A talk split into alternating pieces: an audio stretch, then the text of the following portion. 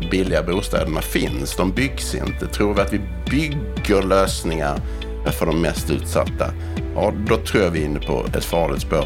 Tittar vi på hur kan vi tillgängliggöra det billiga boende som finns redan, ja då blir det lite fråga om rörligheten på bostadsmarknaden. Håller vi det stängt med många inlåsningseffekter, har ett fokus, men bara vi bygger mer så löses det, här, ja då tror jag vi, då tror jag vi hamnar snett. Han menar att de billiga bostäderna finns, men att rörligheten på marknaden behöver öka. Att det är ett exempel på hur vi ska göra för att komma till rätta med den sociala bostadssituation som vi har i vårt land, där många människor står utanför ett boende eller inte får ett fast boende utan bara tillfälliga lösningar. Möt Martin Lindvall, samhällspolitisk chef på Fastighetsägarna, som är en flitig debattör i debatten. Hör hans syn på vad som behövs för att komma till rätta med den sociala bostadsproblematiken och vad bostadspolitiken behöver göra. För staten, de behöver göra en bättre analys och lägga in mer pengar. Det här samtalet det kommenteras i slutet av Lennart Weiss. Varmt välkommen till Bopolpodden. Varmt välkommen till en ny vecka. Jag heter Anna Bellman.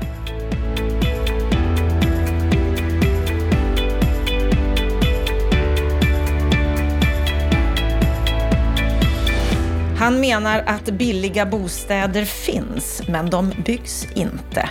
Varför inte då? Och hur ska vi komma till rätta med den sociala bostadsproblematiken som vi har i vårt land? Det ska vi prata om idag. Varmt välkommen till Bopelpodden, Martin Lindvall. Tack så mycket. Vad är din sinnesstämning idag? Oj, idag skiner ju solen. Snart är januari över, så det kan väl bara vara positiv sinnesstämning.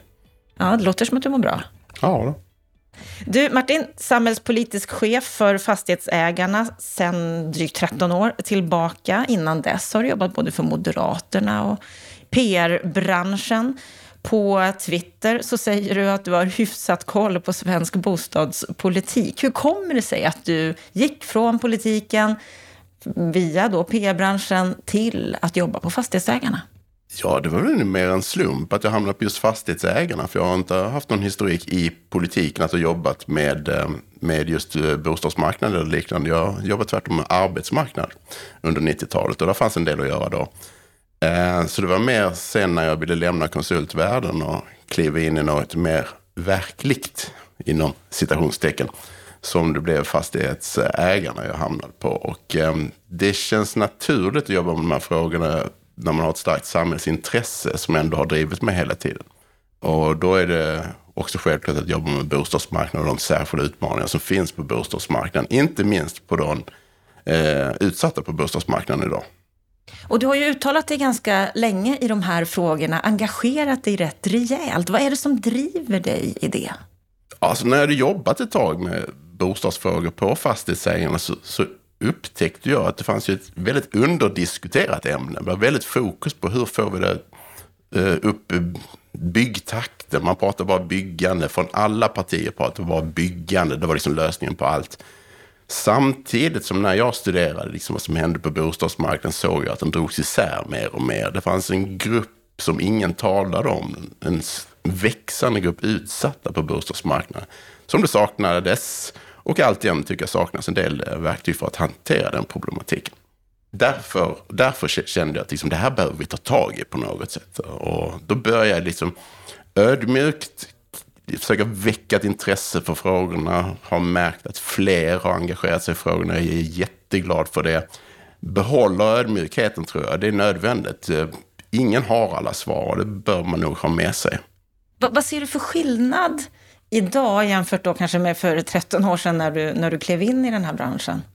Jag vet, jag önskar, jag önskar jag kunde säga att det ser helt annorlunda ut idag, men det, det tror jag inte. Utan det finns en eftersläpning både i politik och i branschen, tror jag, kring de här frågorna. Eh, även om intresset växer så smått är det oerhört lång väg kvar, tror jag, tills vi diskuterar faktiska lösningar. Vi är fortfarande i stadiet där vi Eh, antingen slåss vi kring eh, den ideologiska käpphästar, vi låter etiketter stå i vägen för debatten, tycker det är roligare att diskutera dem än att prata om att så här skulle vi kunna göra. Liksom, det här är de faktiska behoven. Och, men eh, dit kommer vi.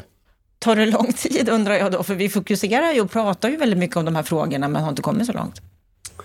Ja, det kommer att ta tid, men vi kommer att ta steg framåt hela tiden. Ju fler som känner att men här måste vi faktiskt göra någonting konkret, desto lättare blir det. Och, ska jag väl säga, det görs ju jättemycket. Alltså på nationell nivå och nationell politisk nivå kanske det går trögt, men ute i kommunerna både i, i, inom politiken och i förvaltningen och bland ideella krafter ute i, runt om i landet görs det fantastiskt mycket och man pushar hela tiden framåt med de verktyg som finns, men man är också innovativ och hittar på olika lösningar. Och det, det tycker jag är jättebra. En del lösningar är jättedåliga, andra är fantastiskt bra. Förhoppningsvis sprider vi kunskap både om det som är dåligt och det som är bra, för då tar vi steg framåt.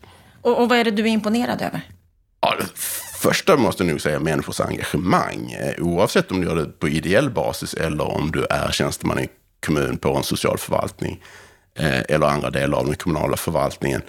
Där görs oerhört mycket med bristande resurser och en organisation som kanske inte är optimerad utifrån detta. Det är till exempel känt att det, socialförvaltningen i en ökad utsträckning har fått hantera en roll som bostadsförmedlare på ett sätt. Och det tror jag är en...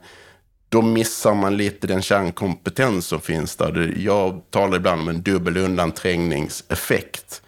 Där det som tjänstemän på socialförvaltningarna är utbildade för och fantastiskt duktiga för, att det kan få stå tillbaka när de behöver ta hand om eh, en bostadsförmedling och, och kanske förvalta bostäder som de hyr i andra hand liknande där tror jag, det är ett område där jag tror att man kan tänka lite längre och eh, utveckla nya lösningar kring det. Och in, innan jag får höra vad, vad, du tänker för nya lösningar, om vi bara ska se liksom hur landet ligger just nu när det gäller de utsatta, för det är ju en grupp som vad jag förstår ökar. Vi har de som är riktigt utsatta, som både har sociala problem, men sen har vi de som faktiskt skulle kunna klara sig väldigt bra på sin egna inkomst om de hade en, en bostad en grupp som vad jag förstår ökar rätt mycket. Håller du med om, om den bilden? Ja, men det, det, det gör jag. Samt, samtidigt så på, det pågår ju liksom en slags definitionskrig också i, i, i förvaltningar. Och, och eh, vilka är socialt hemlösa, vilka är strukturellt hemlösa? Kan man definiera om människor till strukturellt hemlösa så kanske kommunen kan dra in på vissa eh, eh, åtgärder som de idag eh, genomför. Ehm, eh, som de behöver genomföra på grund av socialtjänstlagen. Där ser vi tyvärr en del olyckliga exempel där man definierar bort en del hemlösa. Jag kallar det ibland en slags variation på temat social dumpning och jag tycker det är ganska otäckt när, jag ser det. Ehm, så, så det, någonstans om man startar i lösningsdelen handlar ju lite om att ha en gedigen analys i botten. Ehm, den analysen ska, måste ju svara på, på frågan vem är det som har bostadsbehov som inte är tillfredsställd? På vilket sätt tillfredsställs inte bostadsbehoven? Och vilka förutsättningar har de? Jag säger de, men det är en oerhört blandad grupp och därför tror jag att den analysen måste ner på individuell hushållsnivå och titta vilka, vilka faktiska förutsättningar har en familj som har kommit ganska nyligen från Syrien till Sverige Eh, där arbetsmarknaden, det, det är långt till arbetsmarknaden, språket är en barriär och så vidare. I förhållande till någon ung som vuxit upp i Sverige behöver komma ut på bostadsmarknaden. Det är väldigt olika förutsättningar och de lösningar man jobbar med måste ta hänsyn till det. Men om du skulle få sammanfatta, få definiera, hur skulle du säga, hur stort är problemet? Jag tycker det är väldigt stort. Om, om, man, tar, om man konstaterar att Närmare 2 procent av alla hyresrätter i Sverige hyrs ut i andra hand av sociala ändamål.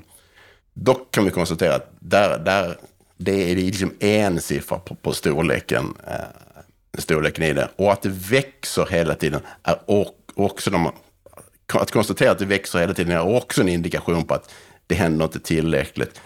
Ser du eh, internationell jämförelse så är det tre eller fyra länder i Europa eh, eh, inom EU som har en högre hemlöshet per capita än Sverige det är också illa i en välfärdsnation som, som Sverige. Det är några exempel på hur stor problematiken är. Är vi medvetna om detta? Ja, definierar vi. Eh, vi är allt fler som är medvetna om det. Och det gott så, men det räcker naturligtvis inte. Och det är en del av sättet som jag och vi jobbar och som många andra jobbar. Att, att medvetandegöra politik och beslutsfattare om problematiken. I, I veckan, eller när detta sänds då i veckan som gick, presenterade Stadsmissionen sin årets hemlöshetsrapport. Och där kommer man belysa en del av de faktiska problemen. Och det arbetet är ju oerhört viktigt som Stadsmissionen gör också opinionsmässigt kring de här frågorna. Utöver det praktiska arbete de naturligtvis genomför för att göra något här och nu åt problemet. Hur tycker du att svensk social bostadspolitik fungerar? Ja, otillräckligt, får jag väl säga. Jag, jag är noga med att framhäva att det görs mycket och det görs mycket bra. Flera verktyg fungerar väl. Så kasta inte ut barnet med badvattnet. Det är inget systemskifte vi talar om. Men det behövs kompletterande åtgärder för att täcka, dem, eh, täcka upp de hålen i välfärdsnätverket som finns. Du skrev på Twitter för några dagar sedan att det finns en fascinerande syn på social bostadssektor. Anar enighet om behovet men handfallenhet inför att det blir för dyrt att finansiera för byggaktörerna. Att kostnader subventioneras är liksom en av poängerna. Vad menar du med det? Ja, alltså vi kan inte tro att eh, lösningen på de utmaningar som jag och många andra beskriver, att de är gratis. Det handlar inte om bara någon pennstreck för att ändra organisation. Um, utan vill man ha högre ambitioner i den sociala bostadspolitiken så kostar det. Tittar vi runt om i Europa hur man jobbar med de här frågorna så, så lägger man mer pengar på det än vad Sverige gör.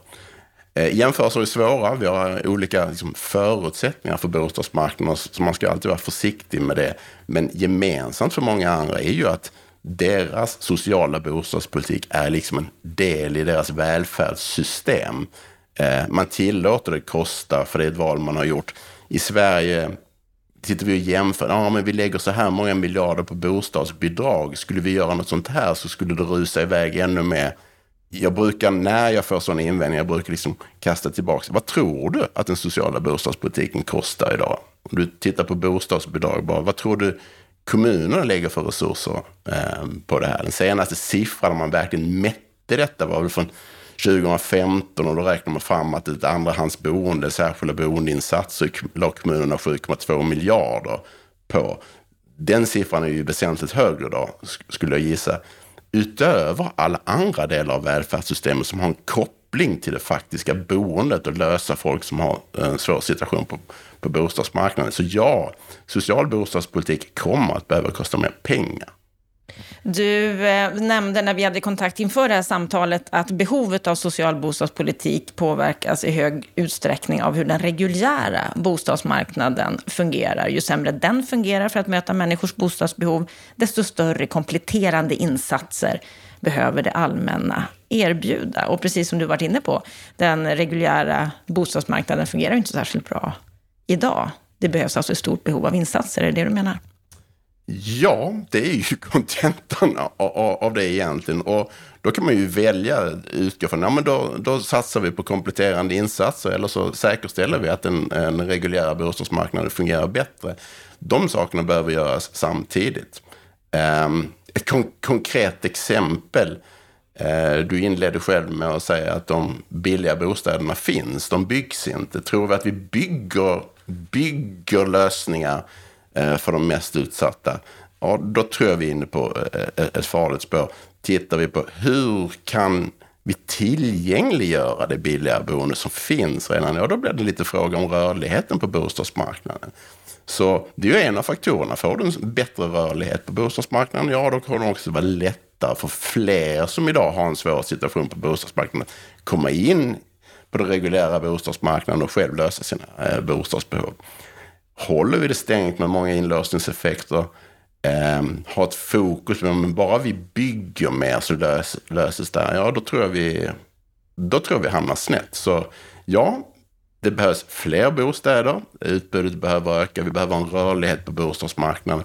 Vi behöver en eh, access till det ägda beståndet som idag hindras eh, av bristen på efterfrågestimulerande åtgärder. Eller snarare att man har uppfört hinder för att fler ska komma in där. Vi behöver fler småhus, det vill säga helheten av bostadsmarknaden. Fungerar det bättre så tror jag att behoven av särskilda insatser minskar. Det sagt måste vi alltid ha i bakhuvudet att det kommer finnas enskilda och hela hushåll som kommer att ha väldigt svårt att komma in på den reguljära bostadsmarknaden i vilket fall som helst. För en del behövs korta lösningar för att öka deras möjligheter till en social rörlighet. För andra har de så svåra eller långsiktiga behov att det måste finnas lösningar även för de som samhället behöver stödja på bostadsmarknaden i flera år. Konkret exempel när jag besöker en del socialförvaltningar runt om i landet ställer jag ofta frågan, liksom, den som har bott i ett socialt kontrakt i den här kommunen, hur länge, liksom, hur länge har den som har bott längst i ett socialt kontrakt bott där? Och det är ju sällan vi talar om de här två plus två år eller så som man tror är bilden. Utan det finns, det finns ju enskilda kommuner som, som har eh, klienter eller, eller, eller, personer de stöder som har bott i decennier i ett socialt kontrakt eller, eller motsvarande de måste samhället också fungera, äh, fungera för. När du resonerar här, det har du gjort länge, många år. Och en del tolkar ju dina uttalanden som att du bereder plats för social housing. Hur ser du på det? Jo, det händer ju... Det händer ofta, eh, eller ofta, ofta. Det händer då och då att journalister ringer mig för att då har det blossat upp någon diskussion om social housing och då har väl jag och kanske några till fått en stämpel på oss att vi är eh, förespråkarna för social housing. Jag värjer mig lite för det, för jag tycker det, då fastnar vi lite i det. Då diskuterar vi etiketter, det blir en ideologisk diskussion. Jag tycker den är jättekul att föra, det finns andra som har en annan uppfattning, jag som tycker det är jättekul att debattera det. Medan vi debatterar, diskuterar, skriver debattartiklar och liknande, så växer problemen för enskilda hushåll, människor som inte kommer in någonstans. Och då, då vill jag bort från det där. Och jag konstaterar att den generella bostadspolitiken får gärna fortsätta att vara grunden vi utgår från. Um, men den behöver kompletterande verktyg och har alltid byggt på att den kompletteras. Det har alltid funnits selektiva inslag. En, vi har en hybridform i, i bostadspolitiken om det behövs fler selektiva lösningar för att lösa de faktiska behoven för enskilda, så låt oss vara öppna för det. Eh, tillför fler sådana verktyg. Och det är väl också en ganska vanlig uppfattning jag möter när jag frågar folk som jobbar med detta på fältet. De kan ideologiskt ha en motvilja mot begreppet social housing, eh, mot den diskussionen. Men, och så gör de ofta en paus och konstaterar, Fast vi behöver fler sådana verktyg, konstaterar vi. Så låt oss avideologisera det, det, där, det där lite och, och titta istället. Vad behöver vi för verktyg som kompletterar den generella bostadspolitiken? Hur kan vi ta fram dem? Hur kan de se ut? Och hur kan vi säkerställa att de blir av en tillfällig karaktär som främjar en social rörlighet, inte permanenta ett stödberoende hos enskilda? Men att prata social housing, kan det vara förlamande bara som begrepp? Ja, definitivt. Jag använder det sällan idag. Eller rätt sagt, när jag är ute och föreläser eller pratar om de här sakerna så brukar jag ta upp det för att diskutera vad är social housing. Låt oss liksom se på det. Är du i andra länder och inte pratar om social housing? För det, de har liksom inte det som, en, som ett begrepp där. Det är bara en del av deras bostadspolitik. Det är, jag tycker det är, det är lite belysande att de de inom akademin som har tagit fram en definition på social housing som länge har varit vad som kallas liksom en floating signifier eh, i, inom akademin. Det är ju två svenska forskare. Jag tycker det illustrerar en del. Liksom det, vi har väldigt fokus på att det är känsligt här. Eh, och det är det inte på andra håll. Så då, då, vill jag mer belysa vad är social housing inte. För jag tror att det, jag tycker att begreppet missbrukas rätt mycket i den svenska debatten. Här kan vi peka på en enskild byggnad och säga, titta där är typiskt social housing. Eller vi pekar på ett bostadsområde och säger, det här är typiskt social housing. Det har ju ingenting med social housing att göra. Liksom, det är ingen fysisk plats, det är ingen fysisk byggnad, det är ingen viss standard på en bostad, utan det är ju ett, det är ju ett system inom en social bostadsförsörjning med, med fokus på att svara på frågan om tillgänglighet till bostadsmarknaden och finansiering, det vill säga att bekosta sitt boende. Hushåll som har svårt med de delarna behöver något form av stöd från samhället. Då kommer sådana här verktyg in. Hur ser du här då på allmännyttans roll? Kops har ju bland annat varit inne och lanserat idén att allmännyttan borde ta ett social housing-ansvar, om vi ska kalla det för det, där det offentliga får en, en tydligare roll. Nackdelen då är väl då att, att allmännyttan, som ju kanske vill vara lite mer av public service, vara ett boende för alla, förlorar den rollen. Hur, hur ser du på allmännyttan?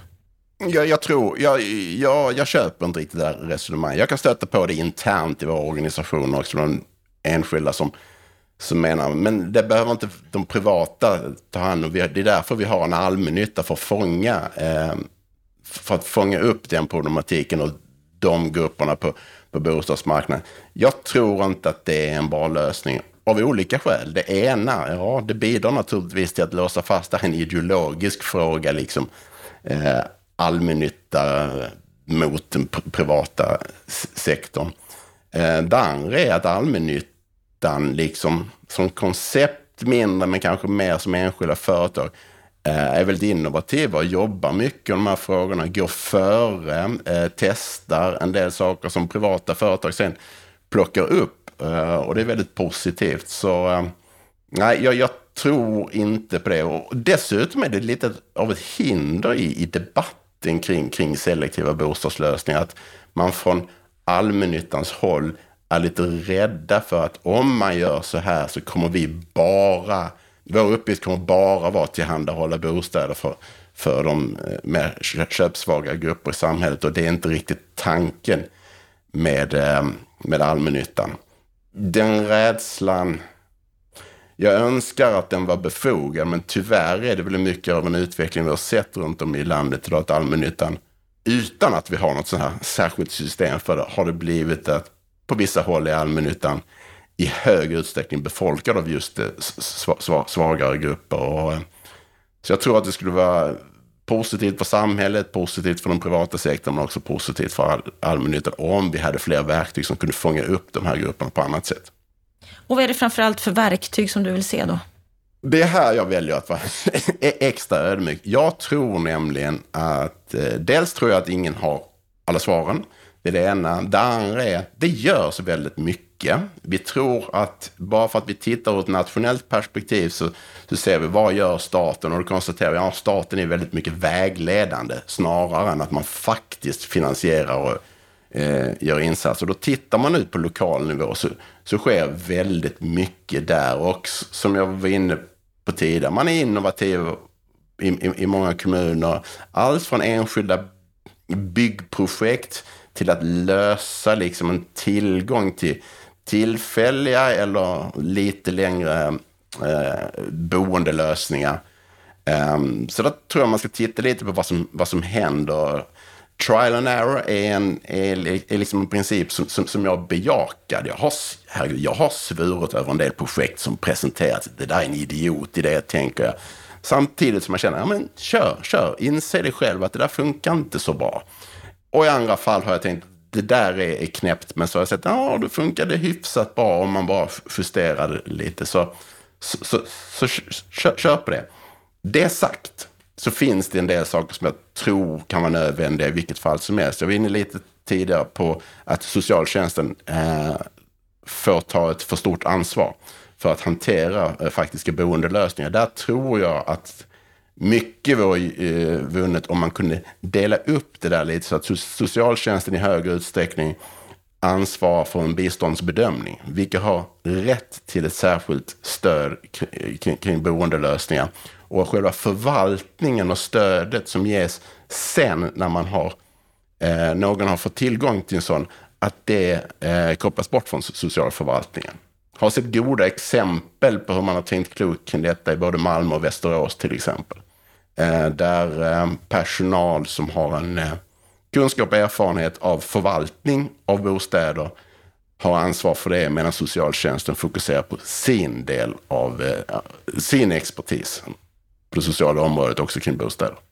Och du säger ju också att du tycker att det är för mycket ansvar på kommunerna. Du är imponerad över deras innovation och att de gör mycket saker, men att det är för mycket som vältras över dit från statligt håll. Vad borde staten göra mer? Ja, den första delen är egentligen tydliggöra att det är ett gemensamt ansvar. Där tycker jag Karolina Skog var på eh, helt rätt linje i, sin, i, i sitt förslag, i sin, i sin, utredning, där man tydliggör just att detta delat ansvar mellan stat och kommun. Titta på hur kan de samverka med tillsammans och, och jobba.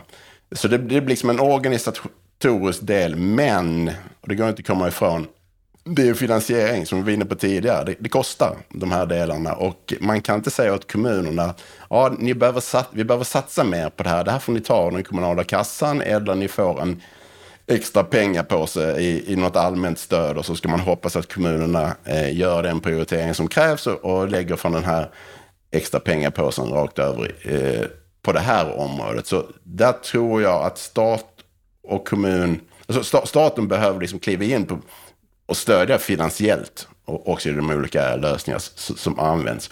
Men, och här kommer man egentligen, där, där jag sa, allt arbete måste ta sin utgångspunkt i en god analys. Och här tycker jag att man tog ett stort kliv framåt när Boverket liksom föreslog en ny beräkningsmodell för bostadsbehov och bostadsbrist. Eh, och det är ju liksom staten någonstans som har gått före där och sen Får man ut det här till kommunerna där den lokala analysen görs bättre än vad den har gjorts historiskt. Det tror jag kommer vara oerhört värdefullt. För då vet du vilka, vilka, vilka människor finns i kommunen, vilka behov har de. Låt oss utforma olika lösningar utifrån det. Så egentligen göra en bättre analys av vart behovet finns och satsa mer pengar? Ja, det är väl två av flera faktorer som skulle jag nog säga. Men eh, det, det vore en god start. Som jag sa, många tolkar ju dig som att du är för social housing och det har du ju bekräftat också. Men också att du är för det för att legitimera marknadshyror. Hur ser du på det här med marknadshyror? Alltså, jag, jag tycker att den där kopplingen är trams. Det, det, har ju faktiskt akademiskt lyfts fram och också, det vill säga att forskare har ju pekat på att det finns faktiskt inte det sambandet. Eh, då säger man, ja men i det här landet har man social housing, man har också marknadshyror så de har med varandra att göra. Nej men alltså det vi kallar marknadshyror är ju en vanlig hyresmarknad i de flesta länder. Det har alltid varit så. Eh, och då tänker de, ja därför har de fått införa social housing. Ja, är det så? Eller har det varit en del av deras välfärdssystem innan? Tittar du på Finland, vad gjorde de? Började de med marknadshyror och kom sen på att vi behöver social housing? Nej, de, gick, de gjorde ju tvärtom. De hade ju en välfärdsmodell en bostadsfinansiering eh, och ett urvalssystem innan de avreglerade sin, sin, sin hyresmarknad. Så det där blir lite snett. Det är det ena. Det andra är, är liksom att jag tycker att alla de här bostadssociala eh, förändringarna och verktygen och reformerna behövs alldeles oavsett vilket hyressättningssystem vi har. Vi behöver inte ändra på det, men vi kommer fortfarande ha behov av fler verktyg eh, inom bostadspolitiken. Sen säger du att jag bekräftar att jag är för social housing. Jag säger väl mer att strunta i verktygen. Jag tycker att den svenska bostadsmarknaden och bostadspolitiken har selektiva bo, eh, stöd eh, idag som det är. Eh, behövs det fler? Ja, inför då det. Eh, fastna inte i att fastna inte i, i, i, i vad, vad det kallas. Men om vi då skulle införa marknadshyror fullt ut, skulle behoven bli större eller mindre för de sociala insatserna? Nu, nu förespråkar jag ju inte heller marknadshyror rakt av, men skulle man göra det så skulle det rimligen eh, finnas enskilda eh, lokala marknader där eh, priser kunde gå upp. Eh, det, det tror jag liksom ingen eh, säger emot. Påverkar det enskildas eh, förmåga att eh, bekosta sitt boende? Ja, det kan rimligen göras eh, eh över en period. Eh, behöver man stötta det på något sätt? Ja, det tror jag. Och då är vi egentligen tillbaka till där man delar upp lite. Jag får ju ibland, istället för de verktyg du pratar om Martin, så borde man ju höja bostadsbidragen. Och då säger jag, ja det där är ju äpplen och päron. Eh, jag tycker att man behöver förändra bostadsbidragen. Både bredda vem som har access till dem och ehm, eh, eh, hur höga bostadsbidragen Det löser situationen för de som har en bostad. Vilket i exemplet med, med liksom, eh, marknadshyror eh, berör då till exempel. Men bostadsbidragen träffar inte de som är, liksom, inte har kommit in på bostadsmarknaden. Så, vilket gör att man måste kunna diskutera selektiva bostadslösningar samtidigt som man diskuterar bostadsbidrag som i allra högsta grad är en selektiv del, del av den svenska eh, bostadspolitiken. Eh, man måste kunna diskutera de båda. Det ena utesluter inte det andra. Om vi tittar på den nya regeringen så har de fått en del kritik för att de har varit för passiva. De har inte kommit med förslag när det gäller bostadsområdet och inte den sociala bostadspolitiken.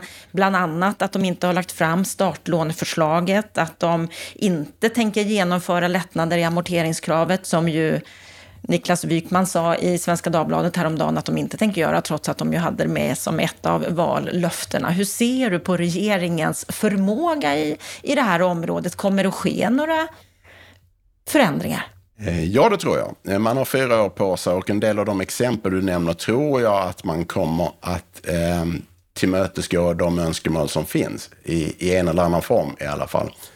Eh, på gälles frågan kring social bostadspolitik eh, behöver man på något där uppstår ett vakuum när man lägger ner några utredningar som ändå har eh, adresserat boendesegregation, social dumpning och liknande. Där tror jag att man behöver återkomma med att säga att de utredningarna hade lite fel inriktning, men vi är på frågan och vi tillsätter den här utredningen istället. Eller vi ger dem ut, delar ut de här uppdragen för att verkligen visa att detta är frågor vi tar på största allvar.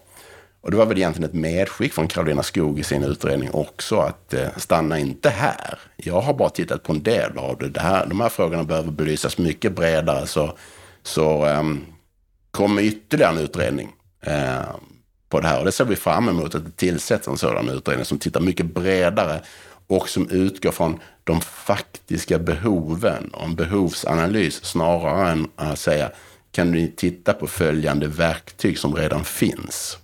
Då är du inne på analysen igen och då tittar vi också på den, den politiska förmågan och viljan här, men du företräder ju fastighetsägarna. Vad är fastighetsägarnas roll när det gäller den sociala bostadspolitiken?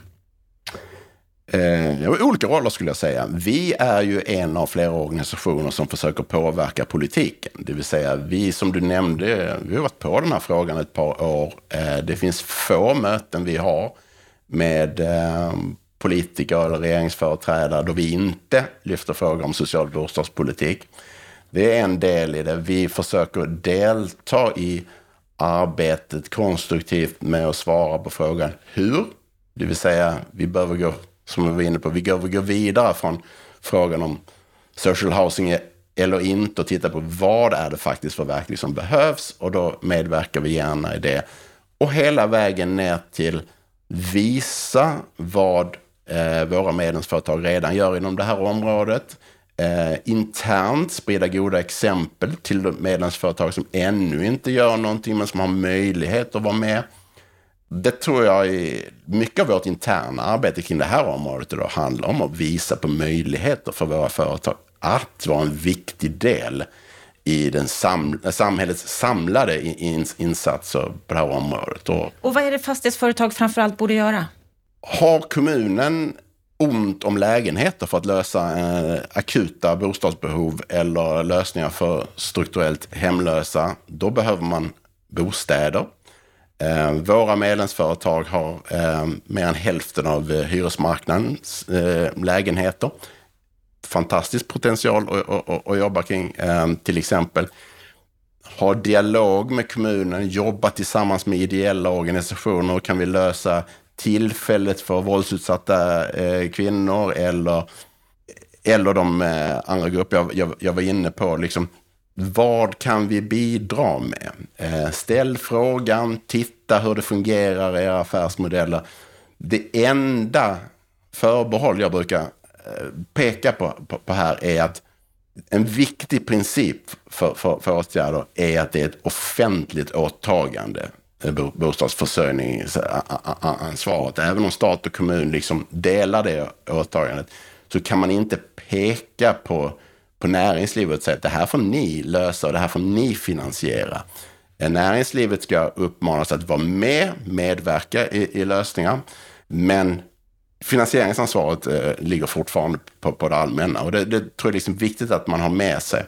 Eh, att man också har med sig från samhällets sida att vi kan inte hitta på lösningar som försämrar näringsklimatet för allmännyttiga bostadsföretag såväl som privata bostadsföretag. Det vill säga, vi kan inte styra om. Nu gör vi de här lösningarna. De är inte alls förenliga med bruksvärdessystemet och så tror att det inte påverkar bostadsmarknaden i övrigt. För då är vi tillbaka vid att vi försämrar den reguljära bostadsmarknaden. Då har vi ökat behovet av eh, offentliga insatser inom social bostadspolitik. Då hamnar vi snett. Så där tror jag det är viktigt att dialogen måste, han, måste utgå från att så här fungerar bostadsmarknaden. Anpassa nya lösningar efter det. Hitta inte på något som krockar. Kommer vi lyckas? Ja, alltså, vi kommer att lösa mer och mer om vi verkligen tar tag i det. Eh, betyder det att vi utrotar hemlösheten? Betyder det att vi lyckas lika väl som Finland inom 5-10 år? Kanske inte, men gör vi inget så blir det ju värre. Därför tror jag, och är ganska optimistisk, eh, i att vi, vi kommer att bli bättre på det, men inte lösa alla problem. Och det tänker jag är ett bra avslutningsord, att vi kommer bli bättre, även om vi inte kommer att lösa allt. Stort tack för att du kom till Bopolpodden, Martin. Tack själv.